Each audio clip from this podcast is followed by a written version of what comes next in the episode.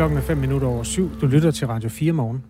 Og det er på en uh, torsdag morgen, hvor det står klart, at der fra næste år kommer et uh, udrejsecenter for kriminelle udlændinge på Langeland. Cirka 130 dømte kriminelle flytter ind i tidligere asylcenter, og det uh, har skabt uh, stor vrede blandt både politikere og uh, folk, der bor i Bangkok på Langeland. Det er nemlig dem, der får asylcentret som nabo. Vi hørte fra dem tidligere, der var ikke uh, rigtig nogen, ikke engang Socialdemokraten, øh, som holdt til lokalt der, der synes at det var noget, man kunne øh, sige noget positivt om. Vi har fået nogle sms'er på den, Kasper, blandt andet fra en lytter, der ikke øh, underskriver sig med navn, men skriver, Kære lytter, der var så glad for kriminelle indvandrere, kunne du tænke dig at blive nabo til sådan et center? Humanisme er også at kunne sætte sig i andre danskers sted, og ikke kun kære sig om mennesker fra og i den tredje verden. Desuden er Langeland gennem mange år blevet endestation for alskens sociale problemer, og nu skal den fattige ø også lige klare udrejseproblemet, mens de rige ulyder slipper. Det er rigtig socialdemokratisk solidaritet. Strålende sms sendt til 1424. Man kan starte med at skrive R4 og et mellemrum, og så kan man fyre den af med sin holdning. Eventuelt brainstorme lidt på, hvor sådan et øh, center skal ligge. Og så øh, slut eventuelt med et navn og et farvel eller på gensyn. Og, og det er vist det. Send den til 1424. Når du, når du opfordrer folk til at skrive farvel eller på gensyn, så, så gør de det altså. Det kommer der nogle meget sjove sms'er ud af. Men her øh, Søren, øh, som holder til Horsens, øh, byder også ind her med en sms. Godmorgen i studiet. De politikere, som over natten vil omdanne et lille samfund til et center for kriminelle udlændinge, som aldrig, uanset hvad, for ophold i Danmark, skulle skamme sig, har lige ferieret i Bangkok og har set en driftig befolkning med et dejligt hotel, ferieboliger med mere, Hvordan vil regeringen med en ellers udmærket udlændingeminister sikre området? Det er en ommer. Og hvis vi skal have et øh, synspunkt øh, fra den anden fløj, så kan vi tage den her fra Michael Maler, der skriver, Jeg bliver sgu ked af at høre så mange forskellige mennesker tale sådan om andre mennesker. Der, hvor vi før skilte os ud som danskere, var ved at vise medmenneskelighed og næstekærlighed. Forandringen er total. Kom nu, ego-dansker.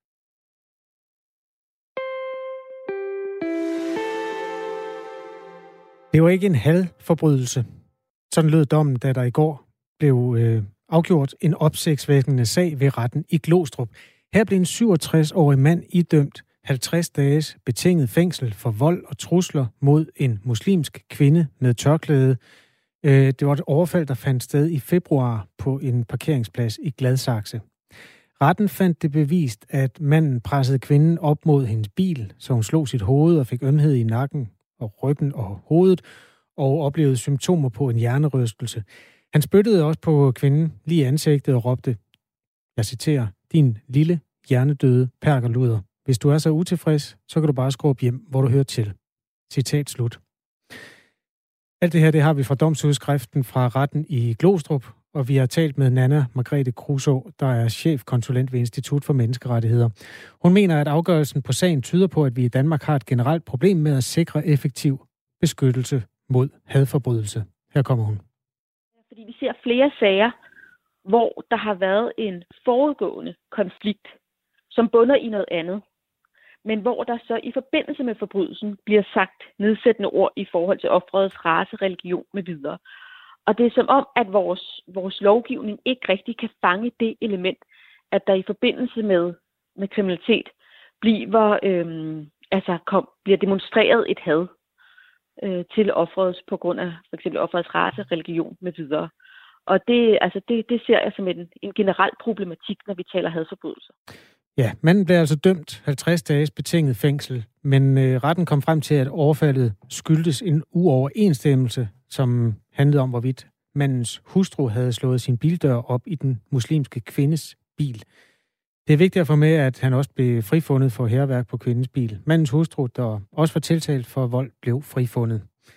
Nu skal vi tale med den forurettede kvindes bistandsadvokat, der hedder Tyge Trier. Godmorgen til dig. Ja, godmorgen. Du har sagt, at din klient er ulykkelig oven på den her dom. Hvorfor det? Ja, hun er rigtig øh, ked af det, og, og, og ja, ulykkelig er, er nok ordet. Øh, hun, hun synes jo, det er, er dybt uretfærdigt, at, at der er et, et øh, efter hendes opfattelse, et soleklart hadelement i den her episode. Det her var aldrig sket på den måde, hvis ikke hun havde en anden hudfarve og, og gik med tørklæde. Øh, så hun, er, hun føler selvfølgelig, at dommen her er uretfærdig. Hvor ved hun det fra, at øh, en, noget, der ligner en trafikuenighed, øh, den bunder i hendes hudfarve? Øh, den måde forløbet er på, nu skal, nu, nu skal sagen jo måske køre videre i retssystemet, så vi må se, hvad dommerne siger, men, men øh, en, en banal diskussion om, om noget med biler på en parkeringsplads eskalerer fra mandens side lynhurtigt til øh, nogle meget grimme racistiske udtryk og, Øh, og en grov vold mod hende. Hun får en jernrystelse øh, derude og øh, bliver jo truet øh, med en, en retlås af en meget høj, øh, stor mand. Øh, så så som, hvad skal man sige, vores konklusion er, at, at det vil aldrig, aldrig være sket på den måde, hvis kvinden hed Pia eller Pernille. Måske sidder nogen og tænker, og det kan du så svare på, hvordan du går ind i den som advokat, Tyge Trier. Nogen sidder måske og tænker, at altså, der findes jo tonsvis af steder i trafikken, hvor folk øh, falder hinanden om, altså stræber hinanden efter livet, fordi tingene hurtigt koger over. Spørgsmålet er jo i den retslige sammenhæng, om det her starter med at være et skænderi om trafik, eller om det starter med, at han hader muslimer. Hvordan kan man afgøre det? Eller hvordan vil du som advokat forsøge at få retten overbevist om, at han startede med at hade hende som muslim betragtet, og ikke som medtrafikant? Ja, altså, øh, det, det, er jo, øh, det kan man jo kun gøre konkret ud fra en vurdering af, hvad, hvad han, han siger, og hvad han selv erkender i, i retten omkring episoden. Ikke? hvor han siger, at han udtaler sig racistisk øh, og, og, og grimt, øh, meget grimt til hende. Og det man kan sige er jo, at, at loven, det er skrevet ind i straffeloven, at der skal en hårdere straf til, hvis man har øh, et hadmotiv eller et delmotiv, der er had. Og det er det, vi siger her. Øh, det er min vurdering juridisk, at, at det var der her. Øh, men, men byretten har altså været uenig, og, og nu må vi så håbe, at, at sagen kan komme videre til, til landsretten. Vi har mange aktive lyttere, Ty Trier. Der er en mand, der hedder Kenneth Fischer, der skriver ind sådan med et tænkt eksempel. Hvis en kraftig person påkører mig, og jeg kalder ham fede svin, er det så en hadforbrydelse? Spørger han. Øh, nej, altså overvægt. Øh, spørgsmålet om overvægt øh, eller udseende, altså har du en pæn frisyre, eller har du grimt tøj, eller øh, vejer du for meget, øh, det er jo ikke en del af straffeloven. Det skal være noget, der handler om, om folks øh, race, øh, deres seksualitet eller deres religion. Altså det er det, der er skrevet ind i straffeloven. Så man har lov til at tale grimt, øh, også når man har episoder i trafikken.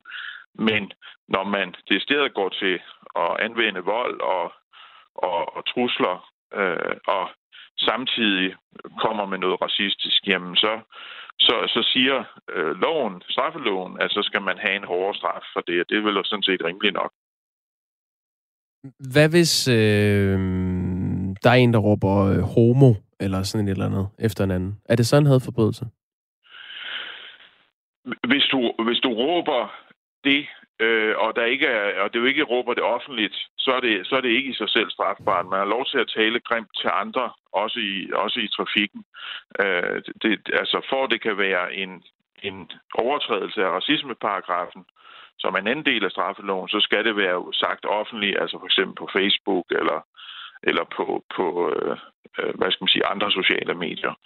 Så man har lov til at råbe de grimme ting, men, men, men hvis, hvis man samtidig begår øh, grov vold øh, eller, eller overtræder reglerne om trusler, altså her ved at svinge med en, en, en tung retlås øh, mod en, en lille kvinde, der står over for dig, jamen så kommer altså ind i straffelovens område. Og så siger, siger loven, jamen altså, hvis der er et delvist hadmotiv, hvis, hvis, øh, hvis hate crime er en del af det, jamen så skal man have en hård straf. Det fik han så ikke, og, og, og det må jeg jo så indtil videre acceptere. Jeg siger bare, at jeg synes, at sagen her er ret grov, og, og, og det rigtige er, at den kommer videre til landsretten. Vi taler med Tyge Trier, der er bistandsadvokat for en øh, kvinde, som blev overfaldet på en parkeringsplads i Gladsaxe. Og en 67-årig mand fik altså 50 dages betinget fængsel, fordi han øh, blandt andet pressede kvinden op mod øh, hendes bil hun fik øh, smerter i nakken og symptomer på hjernerystelse. Og så er det jo altså det der citat. Din lille hjernedøde perkerluder. Hvis du er så utilfreds, kan du bare skrue hjem, hvor du hører til. 50 dages betinget fængsel, er det ikke en hård øh, dom for et overfald, som øh, altså udspiller sig på en parkeringsplads i den her sammenhæng? Nu, nu, er, øh, ja, nu står der det med symptomer på hjernerystelse. Vi har faktisk lægelig dokumentation for, at hun fik en hjernerystelse. Hun har været, hun har været syg øh, i, i over 50 dage efter den her øh, episode. Hun, der er en række tegn på vold. Så, så det var en alvorlig sag. 50 dages betinget fængsel. Han fik også øh, samfundstjeneste. Øh, det er det er ikke nogen, øh, hvad skal man sige, det er ikke nogen særlig hård straf, øh, hvis man ser på praksis for det her. Jeg tror, det hjalp ham, at han ikke var dømt før. Mm. Men, øh, men vi mener, at han skulle have haft en, en længere straf, og han skulle have haft en ubetinget fængselsstraf. Men det er selvfølgelig anklagemyndigheden, der afgør, om den skal ankes. Men, øh, men øh, vi kan i hvert fald konstatere, at han jo ikke har fået en strafskærpelse, fordi det var, selvom der var et, et væsentligt hadelement. Og det var sådan set det, som, som øh, Folketinget har vedtaget med straffeloven, og det er måske også derfor, man skal overveje, om, om loven er god nok på det her felt. Men jeg mener, man kunne have anvendt loven. Det gjorde retten i Glostrup ikke. Mm. Og nu håber jeg, at landsretten vil komme til et andet resultat. Tyge Trier, der er en af vores lyttere, der lige kunne tænke sig at høre, om det, man kunne forestille sig, at det modsatte ske. Altså hvis en, for eksempel en gruppe, altså en indvandrerbande, overfaldt en hvid person og brugte nogle sådan jeg ved ikke lige, hvordan, hvilket ordvalg man vil bruge, men altså noget, der relaterer til vedkommendes etnicitet, din, dit hvide svin, eller sådan noget. Vil man så kunne gå retsligt til værks på samme måde, som vi har gjort med den her kvinde? Det vil være rigtig svært, øh, fordi, øh, fordi øh, en, en, en øh, hvid person er ikke en, en øh, minoritet, øh, som skal hvad skal man sige, beskyttes øh, via reglerne. Ja, man kan måske godt konstruere noget, hvor det vil være, være særdeles groft, men udgangspunktet er, at reglerne beskytter øh, minoriteterne, altså for eksempel homoseksuelle, øh, etniske minoriteter, øh, religiøse minoriteter. Men altså, hvis du, hvis du forestillede dig en meget grov krænkelse på grund af, at man var kristen, øh, det vil man jo godt kunne henføre til bestemmelsen, hvor der kom skulle en hårdere straf til. Okay. Øhm, jeg tror, vi kommer rundt om det der. Tyge Trier, tak skal du have. Ja, tak for det. Bistandsadvokat altså for den her forurettede kvinde. Specialanklager David Hård kan på nuværende tidspunkt ikke sige, om øh, anklageren vil ankedommen. dommen. Øh, statsadvokaten har 14 dage til at overveje, om dommen skal ankes til landsretten. Vi har forsøgt at få et interview med forsvarerne i sagen. Forsvarer Michael Harms har ikke ønsket at være med. Han skriver sådan her i en e-mail. Jeg har med tilfredshed noteret mig, at retten var enig med mig i, at der ikke var grundlag for at dømme min klient efter paragraf 81 stykke 6, som er paragrafen for hadforbrydelse. Klokken er 18 minutter over syv.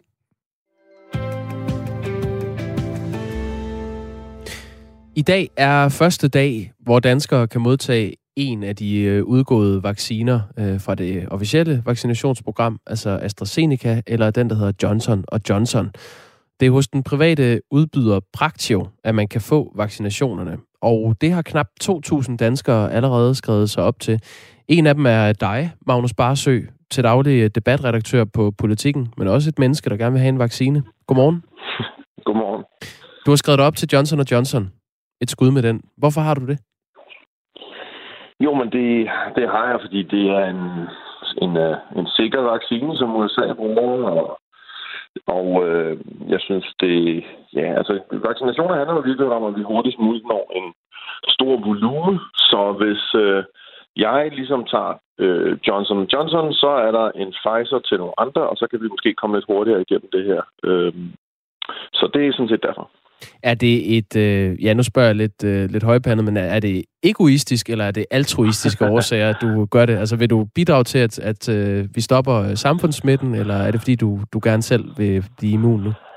Ja, men altså, man kan sige, at sommeren er jo alligevel aflyst, ikke? Altså, jeg tror, vi, øh, vi var en del, der, der håbede på, at hvis man havde både Johnson Johnson og AstraZeneca som vacciner, også den her CureVac, øh, og de mængder, som man troede ja, indtil for måske to måneder siden, så ville vi jo alle sammen kunne nå at få et stik, og så ville man formentlig også kunne nå at komme til Roskilde Festival eller koncerter eller noget andet hen over sommeren.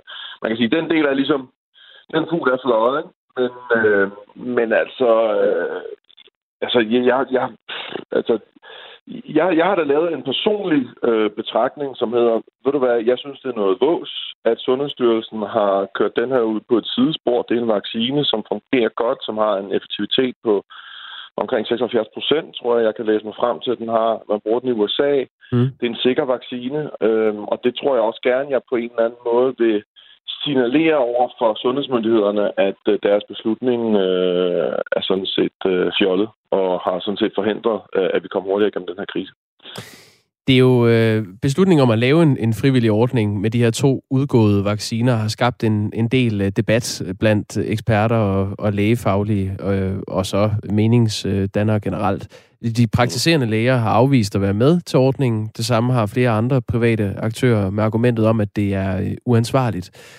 Jeg vil lige citere tidligere direktør for Statens Serum Institut, Niels Strandberg Pedersen, øh, som siger sådan her om det. Politikerne udsætter med den her beslutning de mennesker, der lader sig vaccinere for en risiko for at få bivirkninger, der er meget større end risikoen for at få komplikationer af corona. Hvorfor øh, synes du, øh, Magnus Barsø, at, at den risiko er værd at løbe øh, sådan på egen krop? Jamen, øh, altså nu, nu, nu er risikoen heller ikke øh, så forfærdeligt stor. Altså, øh, jeg tror, der er blevet stukket 9,8 millioner i USA, og der er fundet 30 tilfælde af den her meget sjældne, men selvfølgelig også meget farlige øh, blodprop. Der er blevet stukket 1 million i Europa, og der har man indtil videre slet ikke fundet nogen. Øh, så der er stadigvæk også lidt sådan debat om, om det bare også, altså indtil videre er det bare også i Danmark, der synes, vi er lidt klogere end de andre, og, og har sagt, at, at den vaccine vil vi ikke bruge. Øhm, og så, altså, jeg er jo også selv, altså, jeg, jeg kan mærke og kommer for, for det sted, der hedder, at øh, jeg synes, det er helt fint, at man selvfølgelig tænker over sundhedsmæssige konsekvenser også, men der er jo mange store, enorme øhm, økonomiske og sociale konsekvenser ved at forlænge nedlukningen. Altså, jeg er jo også med på, at, at risikoen for, at jeg får et alvorligt forløb af corona, er formentlig ret lille. Jeg er 40, jeg, jeg er ikke overvægtig eller har nogen andre øh, relaterede sygdomme. Men, øh, men jeg vil da også gerne på en eller anden måde øh, tage en vaccine, som kan gøre, at, at folk omkring mig, som kunne være udsat for det, for sygdommen, kan få et alvorligt forløb. Ikke får det, fordi at den så vil prale af på mig. Altså nu er mine forældre heldigvis begge to blevet stukket, så ligesom det problem er lidt mindre. Men, øh, men altså, jeg, jeg, jeg, synes, jeg synes, der er en ret slem tendens i, i de her dage, desværre, til at sundhedsmyndighederne og øh, lægerne har kastet den her vaccine, både Johnson Johnson og AstraZeneca, så gevaldigt under bussen. Altså, de har jo sværtet den til. De har jo kaldt det en utålmodighedsvaccine. Så der kommer sådan en udskamning af folk, der har lyst til at tage den her vaccine. Lad os lige prøve at tage et skridt tilbage og sige, kan det virkelig passe, at folk i Danmark, der har lyst til at tage en frivillig vaccine, som man bruger i andre lande, så vi kan komme igennem en pandemi. De lige pludselig skal udskammes for det valg, de tager. Jeg synes, det er uværdigt, og jeg synes helt ærligt, det er lidt trist. Altså, jeg kan, jeg kan godt se, at jeg nu skal sidde og forsvare, at jeg, at jeg, at jeg bliver vaccineret, men sådan skal man også næste år forsvare, at man bliver vaccineret mod influenza, eller at jeg får vaccineret mine børn for, mod, mod sygdom. Jeg synes, jeg synes, det er en mærkelig tendens. Altså, det må jeg altså sige. Men er det noget, du øh, vil anbefale folk omkring dig øh, til også at, at tage den beslutning? Se, det, det, det er et godt spørgsmål. Altså, jeg er jo gift, øh, og jeg kan godt forstå, at min kone ikke har lyst til at, øh, at tage Johnson Johnson, fordi at det er jo der, man ser, at der er størst risiko, altså for kvinder. Så hun venter, og så tager hun så øh, den Pfizer eller Moderna, som der nu bliver tilbudt. Jeg kan sagtens forstå det, og jeg har bestemt heller ikke tænkt mig at pege fingre, eller øh, noget som helst øh, af nogen, der vælger en anden mulighed. Det virker lidt som om, at at et af de problemer, man har skitseret, det er, at når man giver den her ordning fri, så vil der ligge et pres på folk til at tage vaccinen. Jeg, jeg, jeg ved slet ikke, hvor det pres kommer fra. Jeg har da på intet, altså jeg har i hvert fald talt for mig selv, jeg vil aldrig nogensinde lægge tryk på nogen for at skulle tage en vaccine. Altså, de, jeg synes, det er helt fint og respektabelt, at man tager øh, Pfizer og venter på det program, som sundhedsmyndighederne har lagt frem. Mm. Jeg synes bare, at, at udskamningen den anden vej er nærmest fuldstændig, altså, det er fuldstændig idiotisk. Altså, vi taler om en sikker vaccine, som bliver brugt i USA. 9,7 millioner mennesker er kommet igennem pandemien med den her vaccine. Der er, den bliver brugt i rigtig mange lande i Europa. 1 million er blevet stukket indtil videre i Europa.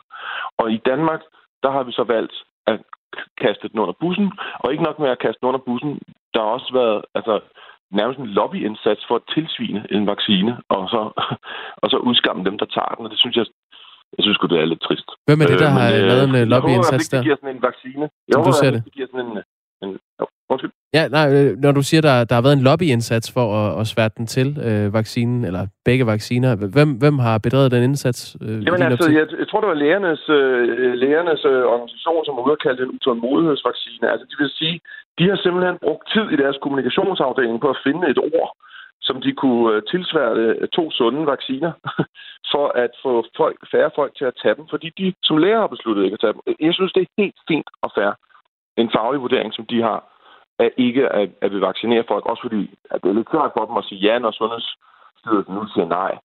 Men så til gengæld også at gå ud og angribe den. Altså det, det, det kan jeg slet ikke forstå, hvorfor man så gør. Hvem er det egentlig, jeg skader ved at tage en Johnson Johnson-vaccine? Udover måske jeg mig selv. Det har jeg svært ved at forstå. Lad det være det sidste ord, Magnus Barsø. Tak fordi du lige øh, kastede din holdning ud her i Radio 4 morgen. Det var så lidt. Altså øh, til daglig debatredaktør på Politiken, og også snart øh, stukket med Johnson Johnson. Martin fra København skriver, Johnson Johnson er usikker, og Damaskus er sikker. Her i Danmark ved vi bedre. Jeg drysser lige lidt ekstra ironi på, hvis den ikke stråler tydeligt nok igennem, skriver Martin altså fra København. Øh, Tine i Hirtals øh, stempler ind med holdningen, at blive vaccineret med AstraZeneca eller Johnson Johnson kan vel godt kaldes for ekstrem sport. Det er jo med livet som indsats. Med venlig hilsen Tine i Hirtals. Der er to smiley'er i den her øh, besked. Skal vi ikke øh, bruge det som trædesten til lige at tale lidt om nogle dødstal, der cirkulerer på internettet i øjeblikket? Statens Serum Institut var ude i går som en slags øh, damage control og gør opmærksom på, at man ikke mener, at 4.500 danskere er døde af vaccinerne. Det er nemlig øh, de fakta, eller data, som er blevet udlagt på forskellige måder. Er man død med eller af? Jamen, det er jo det. Det kommer jo virkelig an på, hvilket netmedie du går hen til. Du kan godt finde en ekspert på øh, YouTube, hvor jeg påstår, der vil sige, at 4.500 danskere er døde af vacciner. Det, der er det fuldstændig nalfaste, det er, at 4.500 øh, danskere siden årsskiftet, hvor vi gik i gang med at stikke, er døde inden for 30 dage efter at have fået enten første eller andet stik med en af de godkendte vacciner. 4.500 danskere, det er jo mange. Hvor mange er blevet stukket? 1,7 millioner, sådan cirka. Så øhm, det, man siger fra Statens Serum Instituts side, er jo, dem man har stukket i Danmark, er startende med de allersvageste og de allerældste. Og ud fra de her data, som man lægger ind med, er der intet, der tegner til en øh, overdødelighed sådan øh, vaccinemæssigt. Det hører ikke under bivirkninger, det hører under ja, livets gang, hvis jeg sådan skal omskrive deres øh, formuleringer lidt. Mm. Der står sådan her, Statens Serum Institut kender ikke dødsårsagerne, men da der i langt overvejende grad er tale om gamle mennesker og udsatte borgere, så vil dødsårsagerne givetvis være de helt normale for grupperne. Det er altså forkert at konkludere, at de i alt 4.415 mennesker er døde af vaccinen. Hvor er de her tal blevet øh, frembragt? Hvor du stødt på dem? Øh, men øh, jeg kan ikke huske, hvilke netfora det var, de cirkulerede i. Mm, jamen, jeg har nemlig også set den, men øh, sådan i øh, almindelig offentlig debat på sociale medier for eksempel. Jeg tror ikke, der er noget, der hedder almindelig offentlig debat længere. Der findes bare alle de kammer der, hvor folk møder dem, som de er enige med. Det er det, jeg kalder almindelig offentlig debat i dag. Ja, det kan du have ret i. Men der er ikke noget fælles forum. Det er jo et af de store problemer ved det her år. Mm. Øhm, det, der er fakta, altså fordi det lyder jo voldsomt, 4.500 mennesker er døde inden for 30 dage. Og det er jo, når man bruger præcis 30 dage, så er det fordi, det er den måde, man også definerer et corona-relateret dødsfald på. Hvis du er testet positiv for covid-19 inden for 30 dage, altså inden for, og dør inden for 30 dage, så kommer der til at stå covid-19 på dødsattesten. Ja, og hvor mange er det nu, der ligger i den gruppe? 2500. Ja. Så det er sådan cirka øh, halvdelen, ikke? Lidt over halvdelen. Øh, men det er, jo, det er jo det store spørgsmål. Altså, det har været det kritikpunktet også mod coronadødsfaldene, de er fra starten helt satirisk har nogen sagt, hvis du dør af et trafikuheld, og der, du har fået corona øh, dagen før, så står der covid-19 på dødsattesten. Det vil være i meget, meget sjældne tilfælde. Så mange dør der ikke i trafikuheld i Danmark. Øh, ikke 2.500 i hvert fald, men det er jo det, der gør det en lille smule satirisk også. Altså, hvis du køber ny cykel inden for 30 dage, inden du dør, er det så cyklens skyld, at du dør, eller, eller hvad? Det er jo den debat, der er omkring de der vacciner. Jeg håber, vi kan komme videre med det her, øh, ved at få fat i en af eksperterne til at belyse de tal øh, lidt senere i Radio 4 morgen. Lige nu er klokken blevet øh, halv otte, og det er tid til et nyhedsoverblik ved Thomas Sand.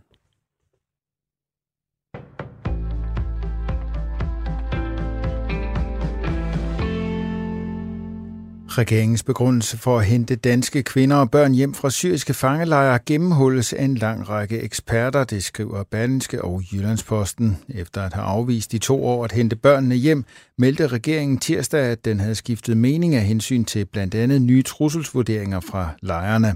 Det er simpelthen væsentlige nye oplysninger, forklarede justitsminister Nick Hækkerup, men disse oplysninger har været kendt længe, lyder det fra rækken af eksperter samt partier på begge fløje af Christiansborg. Dermed falder flere af kerneargumenterne for den politiske kovending om at tage børnene og kvinderne hjem fra hinanden, mener de. Det er svært at se, at der er noget nyt, der stikker ud i en sådan grad, at det kan give anledning til en komplet uvending, siger Maya Greenwood, der er forsker i global sikkerhed til Jyllandsposten. Over for Berlinske siger tidligere PET-chef Jakob Scharf, at regeringsargumenter er kendte, eller i hvert fald indlysende. Børnene udgør ikke nogen trussel, og den trussel møderne vil kunne udgøre, kan lettere håndteres, når de er i Danmark. Der er intet nyt. Man siger så, at forholdene i lejrene gradvist er blevet værre, men det er jo også kendt, siger Jakob Schaff, som i dag er direktør i den private efterretnings- og sikkerhedsvirksomhed CERTA. Eksperternes kritik bekræftes af to PET-rapporter, som Jyllandsposten har gennemgået. Begge rapporter er lavet af Center for Terroranalyse under efterretningstjenesten. De udkom i marts 2020 og marts 2021. Rapporterne vurderer terrortruslen mod Danmark og beskriver konkret flere af de farer, som Nick Hækkerup og udenrigsminister Jeppe Kofod på tirsdagens pressemøde kaldte nye. Også Venstre og de radikale kritiserer regeringen for at svøbe gamle argumenter i nye klæder. Det har ikke været muligt for at få et interview med justitsminister Nick Hækkerup for Berlinske, men Socialdemokratiets retsordfører Jeppe Brugs afviser kritikken. Ligestilling mellem kønnene på arbejdsmarkedet skal hjælpes på vej med en ny barselsreform, som skal give forældrene lige rettigheder efter fødslen, det mener SF. I eftermiddag er ordførende indkaldt til møde i Beskæftigelsesministeriet om implementeringen af EU's barselsdirektiv. Det nuværende barselssystem står over for ændringer, da EU-direktivet kræver 9 ugers øremærket barsel til begge forældre senest i august 2022. I Danmark har fædre ret til 2 ugers barsel, mens mødre har ret til 14 ugers øremærket barsel. SF's ligestillingsordfører Astrid Karø ønsker at omlægge barselssystemet, så både mor og far får 14 ugers øremærket barsel hver. Derudover har de 20 uger, som frit kan fordeles mellem forældrene. Det er særlig vigtigt, fordi at det, det fremmer altså ligestillingen, det her.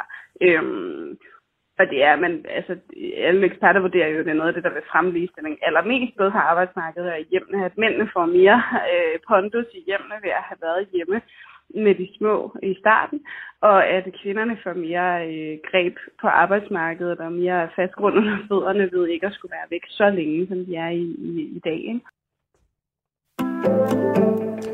Når afgangselever i grundskolen inden længe har sidste skoledag, kan de dele karameller ud, men det sker med afstand og til en klasse af gangen. Og når blomsten af Danmarks ungdom til sommer skal fejre, at de er færdige med som studenter, er der grønt lys til den traditionsrige studenterkørsel. Det er beskeden fra børne- og undervisningsminister Pernille rosenkrantz teil der har offentliggjort nye retningslinjer. Retningslinjerne minder en del om sidste år, hvor det også var muligt at køre studenterkørsel og dele karameller ud trods coronaepidemien. Lidt eller nogen sol, men især i de nordlige egne kommer der også enkelte byer. I løbet af eftermiddagen får vi efterhånden opholdsvær, og i aften ventes nogen eller en del sol flere steder. Dagtemperaturer op mellem 10 og 14 grader.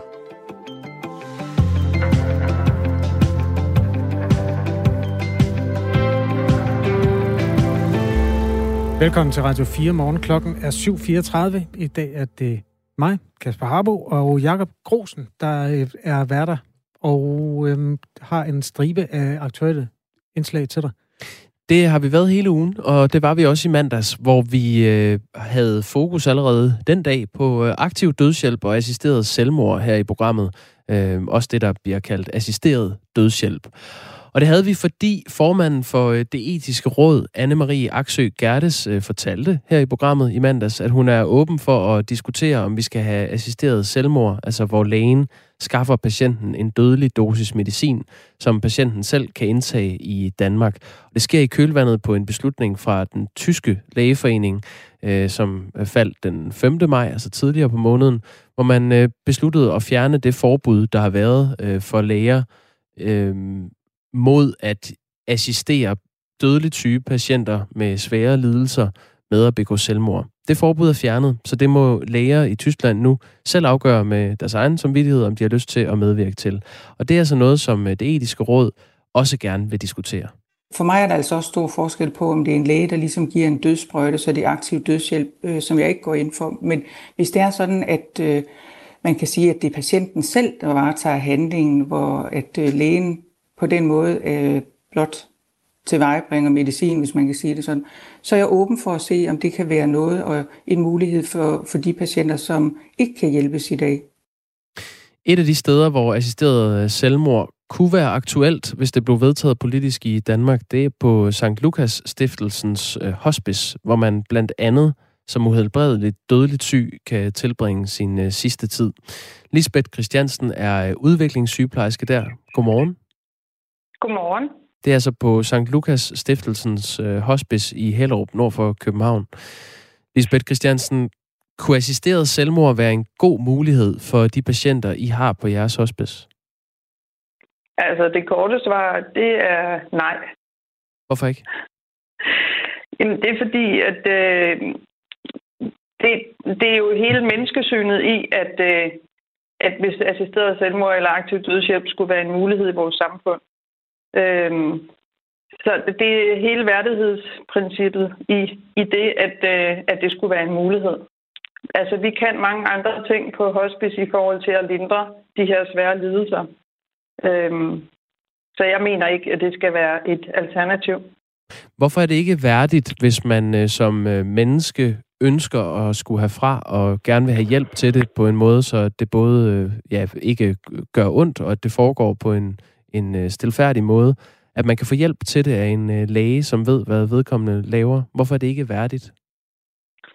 Jamen, det spørgsmål, du stiller nu, det, det, siger, det vil jeg også svare, at det, det gør vi også med palliation. Men det, som spørgsmålet jo også går ud på, det er, at øh, man, gør, man sætter patienten til at tage sit eget liv, og det er der, hvor at, øh, at det er en forskel, at, at, øh, at man skal lindre den lidelse, mennesket har. Man skal ikke tage mennesket væk fra lidelsen, og det er det, man gør ved at øh, give mulighed for, at mennesket kan slå sig selv ihjel.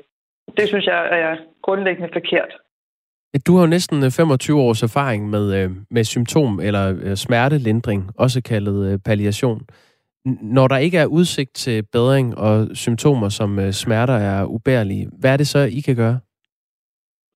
Men altså i sundhedsloven, der er, der, øh, der er det muligt at give både smertestillende og beroligende midler til de patienter, som har sådan en svær lidelse.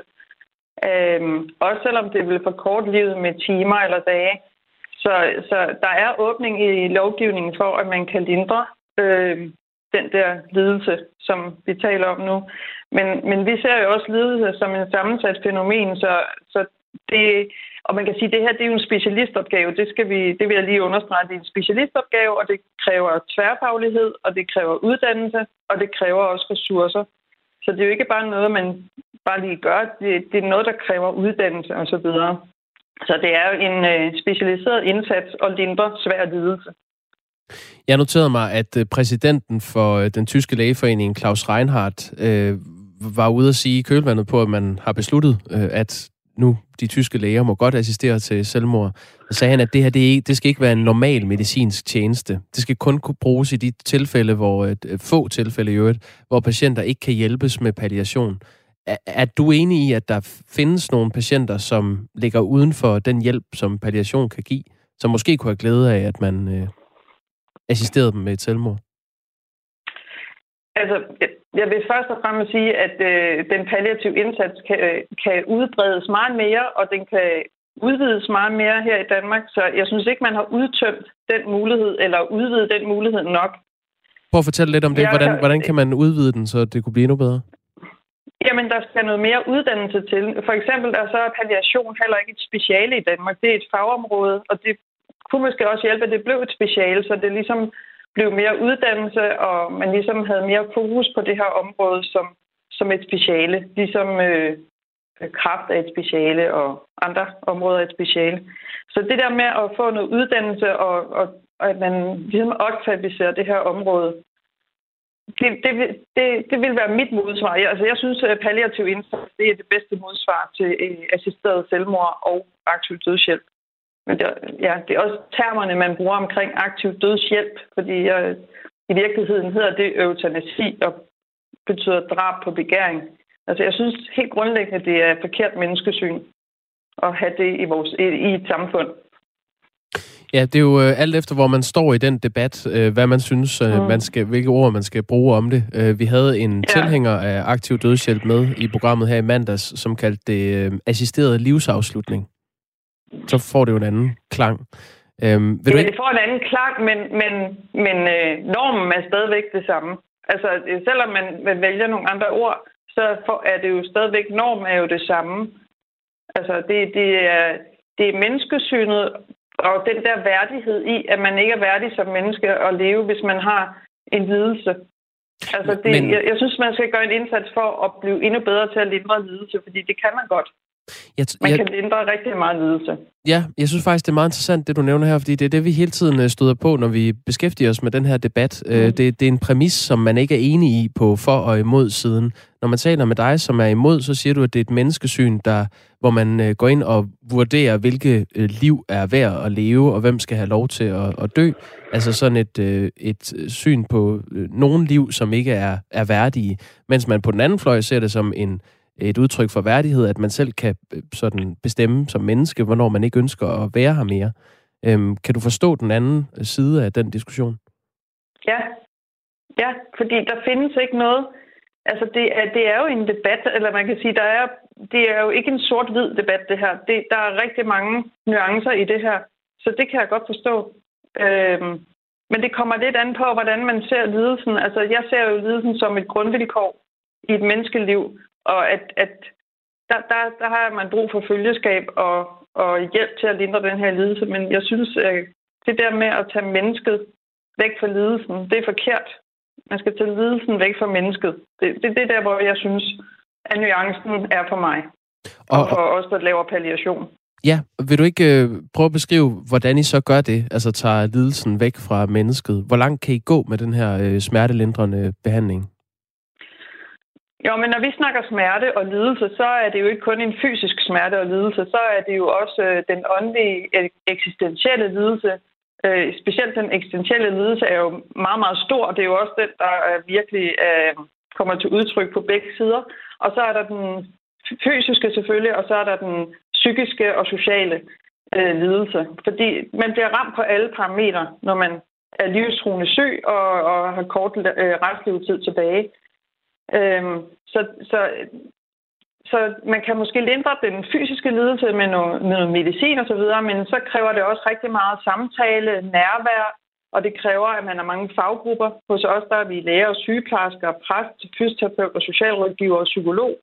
Så derfor kræver det, det er en specialistindsats, når lidelsen bliver så kompleks og svær, som de mennesker, vi snakker om her. Det kræver en helhedsindsats og en tværfaglig indsats.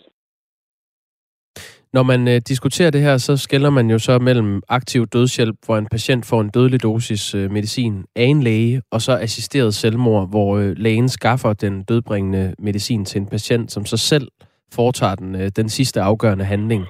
Og der er fire EU-lande, der har lovliggjort aktiv dødshjælp. Øh, Holland, Belgien, Luxembourg og Spanien, som vedtog det i marts. Det træder i kraft lige om lidt. Øh, på det seneste er debatten om aktiv dødshjælp også blusset op i Irland og i Storbritannien. Øh, assisteret selvmord er tilladt i Schweiz, i flere stater i USA og nu også i, i Tyskland. Og her i Danmark har debatten længe været delt i to lejre. Altså der er øh, meningsmålinger, der viser, at mellem 70 og 80 procent af danskerne er tilhængere af at legalisere aktiv dødshjælp. Og så er der øh, på den anden side det etiske råd, der traditionelt har været imod. Der er lægeforeningen. Øh, der er også et, et over, en overvægt af politikere på Christiansborg, som er imod, at vi skal have det. Hvad ville du gøre, øh, Lisbeth Christiansen, hvis en patient sagde til dig på dit hospice, at øh, han eller hun gerne vil have lov til at ende livet nu? Så vil jeg gå ind i den snak om, hvad der ligger i det ønske. Fordi at når et menneske har det ønske, så er det fordi, at øh, det har brug for en særlig indsats og en særlig opmærksomhed. Det skal man tage meget alvorligt, fordi der ligger jo noget lidelse i det spørgsmål. Og det er den viden, som man skal gå ind og lytte til. Men så vil jeg lige... Det var nu det lang, lang smør, du gør med. Men jeg vil sige, at det der med, øh, det der med for eksempel assisteret selvmord, det er der, det er for, for eksempel i USA, mm. øhm, i Oregon. Der er 42 procent af de patienter, som har ønsket øh, assisteret selvmord der, de har gjort det ud, fordi de synes, de var en byrde for samfundet og for, for, for deres familie. Og det er den glidebane, jeg kan være nervøs for, at man kommer ud i, hvis man tillader det her. Det er, at det ikke kun er ens personlige lidelse, men det kan også være lidelsen i forhold til, at man synes, man er en byrde. Og, og det, det, det synes jeg åbner for noget helt forkert i et samfund.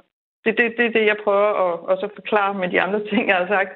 Øhm, øh, og, og til noget af det andet, du sagde, det der med, at man har spurgt øh, den danske befolkning, og så mange procent, eller over 90 procent, siger, at de ønsker aktiv dødshjælp. Ah, ja, mellem 70 og 80 ligger den normalt på. Okay, når, ja, det, det er også højt. Men, det, men, men så skal man måske, altså man skal altid gå ned i en undersøgelse og se, hvad er det for nogle mennesker, man har spurgt, og hvad har man spurgt om? Fordi er det øh, sunde, raske mennesker, man har spurgt, og har man spurgt, om de øh, ønsker den her mulighed, hvis de kommer ud i ubærlig lidelse, så vil enhver jo sige ja.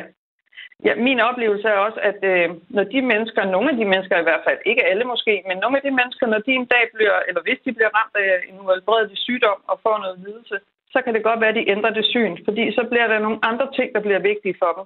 Så er det måske nogle andre ting, der får en betydning, og at, at livet får en, nogle andre facetter, end man har, når man er sund og rask og bliver spurgt om det. Så det vil jeg bare sige, det, det, det hører ligesom med til det tal.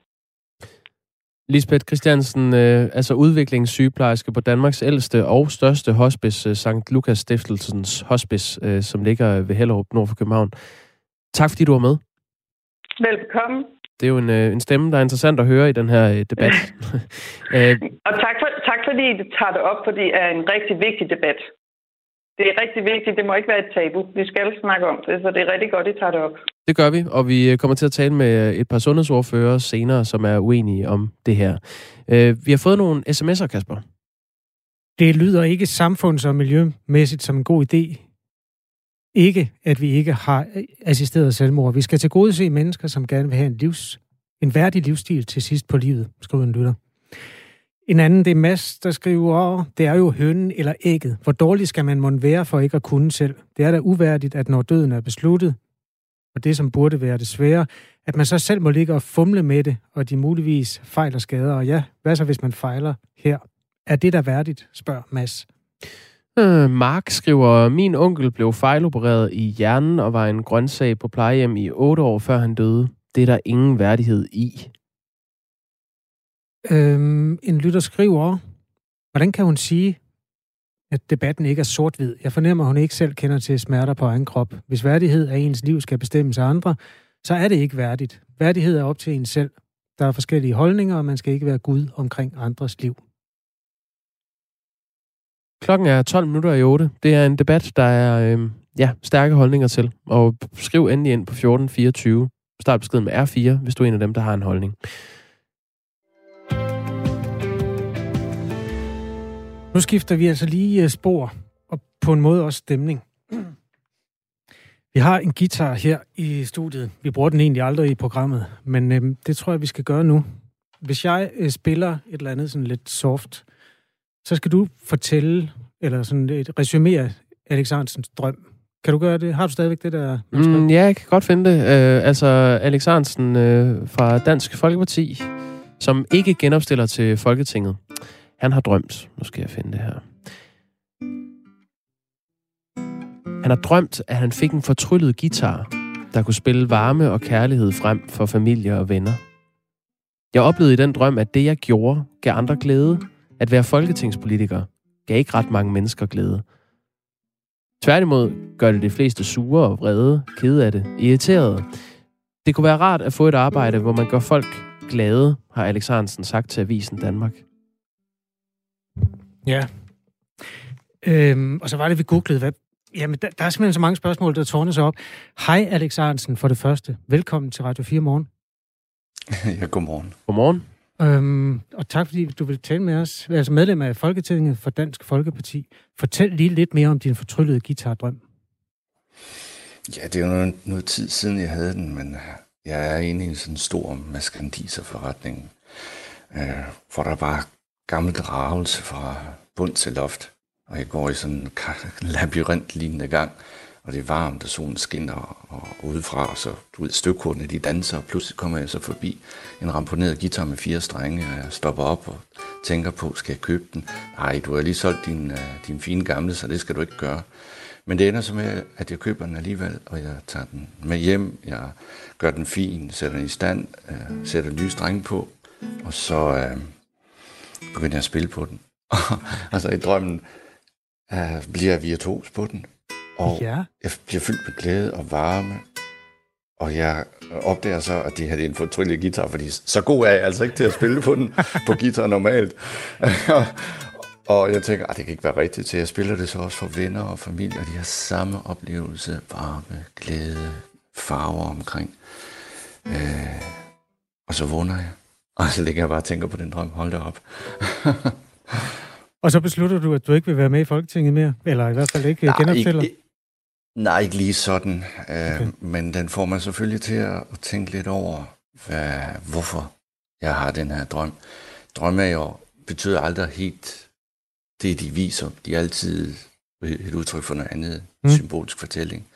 Men der fortalte mig jo selvfølgelig, at, at måske skulle jeg begynde at, at lave noget, der gav mig lidt mere glæde, og frem for alt måske også gjorde mennesker glade. Hvad, øh, Det gør politik ikke, tænker ikke du? gør. Nej, okay.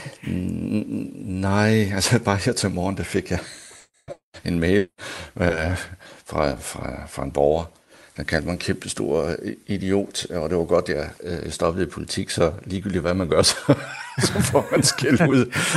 Ja, okay, må det ikke det tager af på et tidspunkt. Men uh, Alex Hansen, jeg gik faktisk ind, øh, og det er ikke fordi, at jeg vil prøve at tillægge dig nogle motiver, men jeg gik ind på en hjemmeside, eller jeg gik ind på Google, for at være helt ærlig, jeg skrev drømmesymboler, guitar. Og der står, mm. Guitaren forbindes ofte med en kvindekrop på grund af formen. Øhm, så se på, om drømmen har et seksuelt tema. Hvis en mand drømmer, at du spiller på guitar, kan drømmen henvise til erotiske drømme, du går og er optaget af. Eller seksuelle fantasier. Det står der faktisk.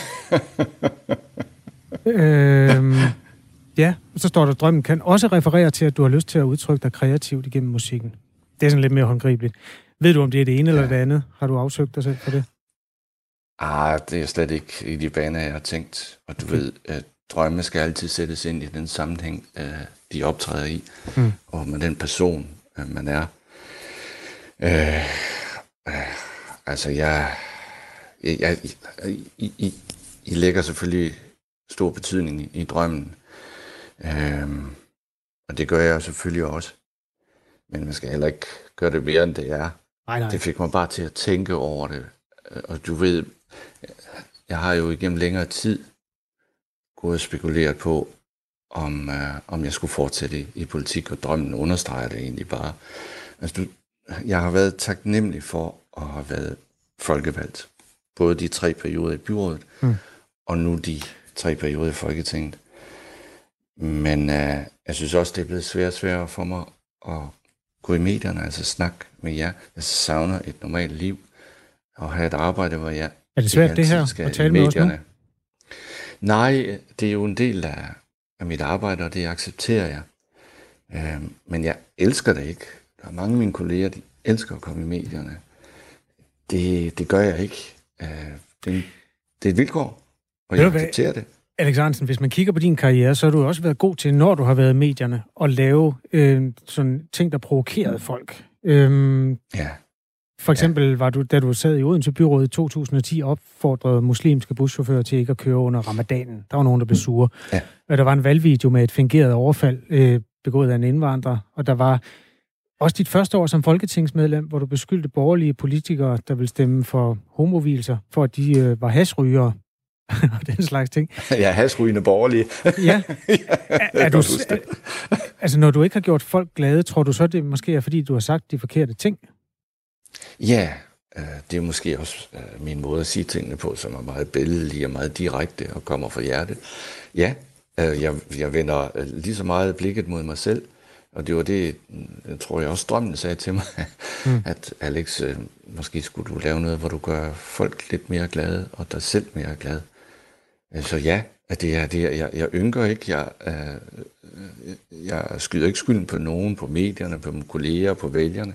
Jeg har været taknemmelig for at være folketingsvalgt, men det er bare blevet lidt sværere for mig at, at være i medierne, fordi jeg ikke gør folk glade. Nogen gør jeg. Mine Jamen, altså, vi medlemmer meget, i Dansk Folkeparti. både Jakob og jeg blev meget glade over, øh, at der var pludselig optrådte en fortryllet guitar i øh, mediebilledet. Når man møder ind en mandag eller en torsdag morgen, så er det nogle gange ligesom at kigge direkte ned i et toilet, fordi det hele det er sådan nogle negative historier. Vi blev meget opløftet over din historie med den øh, fortryllede guitar. Jakob, du må gerne spille mere i øvrigt. kan du spille guitar, Alexandersen? Jamen, det er længe siden, jeg har lagt det på hylden, og det, jeg gør det simpelthen ikke mere. Så der var en gang. Ja. Du er godt klar over, at den der med fire strenge, det er jo en ukulele i virkeligheden. Ja, du drømte om. Det, altså det var en guitar med, med, med seks strenge, men de to manglede. Right. Ja. Jakob, har du noget, du vil øh, på banen med? Nej. Jeg synes bare, det er en øh, fin drøm at komme frem med, Alexandersen, og et øh, godt budskab. Hvis der kommer en drøm yeah. om, at du skal fortsætte i politik, vil du så vælge øh, at, at opstille en, til en periode mere? jeg, jeg kan slet ikke forestille mig, hvordan den drøm den skal være. Nej, men det kan vi lige prøve. Du kan gå ind på den, der hedder netspirit.dk. Det var der, hvor jeg læste, at gitaren var et sexsymbol. Øhm, så kan yeah. man ja, gå videre med det. Men i hvert fald... Ja, altså der var, i, i min drøm var der slet, slet intet uh, seksuelt uh, tværtimod. Det var den der fredfyldte varme. Øh, du ved, når du kommer til at gøre noget for mennesker, der gør dem glade, mm. det var mm. den følelse, man havde dyb til, tilfredsstillelse, indre tilfredsstillelse. Øh, og bare, det sat, ja, jeg var, jeg var, jeg var faktisk glad hele dagen. det var, det ja. var rart. Jeg kender godt ja. følelsen af at vågne den slags drøm. Jamen, ja, øhm, det er skønt, ikke? Jo. Tusind tak, fordi du ville være med i i mediemøllen en gang til, Alexandersen. Ja, det var så lidt. Altså medlem... godt. Hej. Ja, hej hej, ha' det godt. Medlem af Folketinget for Dansk Folkeparti indtil næste valg, hvor han så ikke genopstiller. Klokken er tre minutter i otte. Der er lidt til en hver smag her i Radio 4 morgen. det stak helt af, det der. Må jeg ikke lige øhm, komme med lidt... Øh, er det ikke malurt i bedre, men noget, jeg har noteret mig, som jeg synes er lidt specielt. Jo. Øh, det er Højskoleforeningen. Jeg, jeg synes, Højskoleforeningen med det her øh, opslag, som de har lavet på deres hjemmeside, øh, udfordrer det gode gamle udtryk, alting har en tid.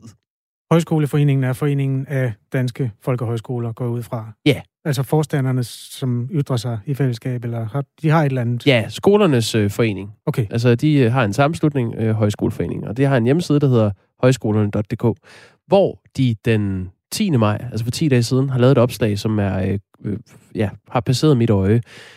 Det hedder fem tips til at tomle. Altså blaffe?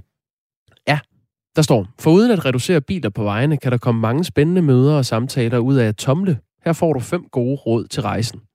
Og så er det altså ellers et opslag, som... Øh, ja, der er fem gode råd til, hvordan man sådan kan få noget godt ud af at tomle. Men er det ikke meget fint? Jo, det er meget fint. Jeg synes bare, at timing i det er sådan lidt specielt her under en pandemi, hvor vi har fået at vide, at vi ikke skal rejse, og GoMore er egentlig heller ikke helst ikke en løsning, og man skal i hvert fald sidde skråt på passagersædet bagved osv. Så, øh, så at lave det her opslag lige nu, synes jeg bare er en, øh, et sjovt timing.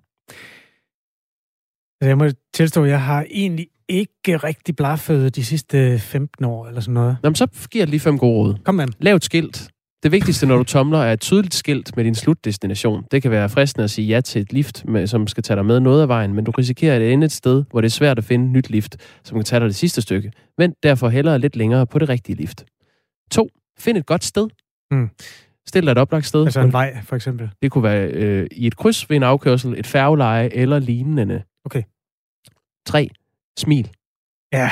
Folk vil gerne se, hvem det er, de samler op. Så hvis du bærer solbriller, hætte eller lignende, kan det være utryghedsskabende. Så i stedet de mødekommende og se rar og ren ud. Nummer 4. Mm. Vær ikke for mange. Nej. Det giver sig selv, men det kan virke overvældende at skulle samle en hel gruppe op. Det er bedst bare at være et par stykker eller på egen hånd. Det øger chancerne for at blive samlet op. Nummer 5. God tur. Sluk telefonen, benyt lejligheden til at tale med de andre i bilen, og husk, det er altid i orden at sige nej til tak til et lift, hvis man ikke føler sig tryg. Jeg har samtidig prøvet at samle blaffer op, hvor jeg har tænkt, kæft, han ser sød ud, eller hun ser sød ud. Og så erfaret samme øjeblik, de satte sig ind, at de ikke lugter særlig fedt. Så det der med at øh, vaske sig, det vil jeg godt øh, sætte to streger under. Den er her medgivet videre. Det er punkt 6. Men altså, ud af tommel. Okay. Livet er foran os. Klokken 8.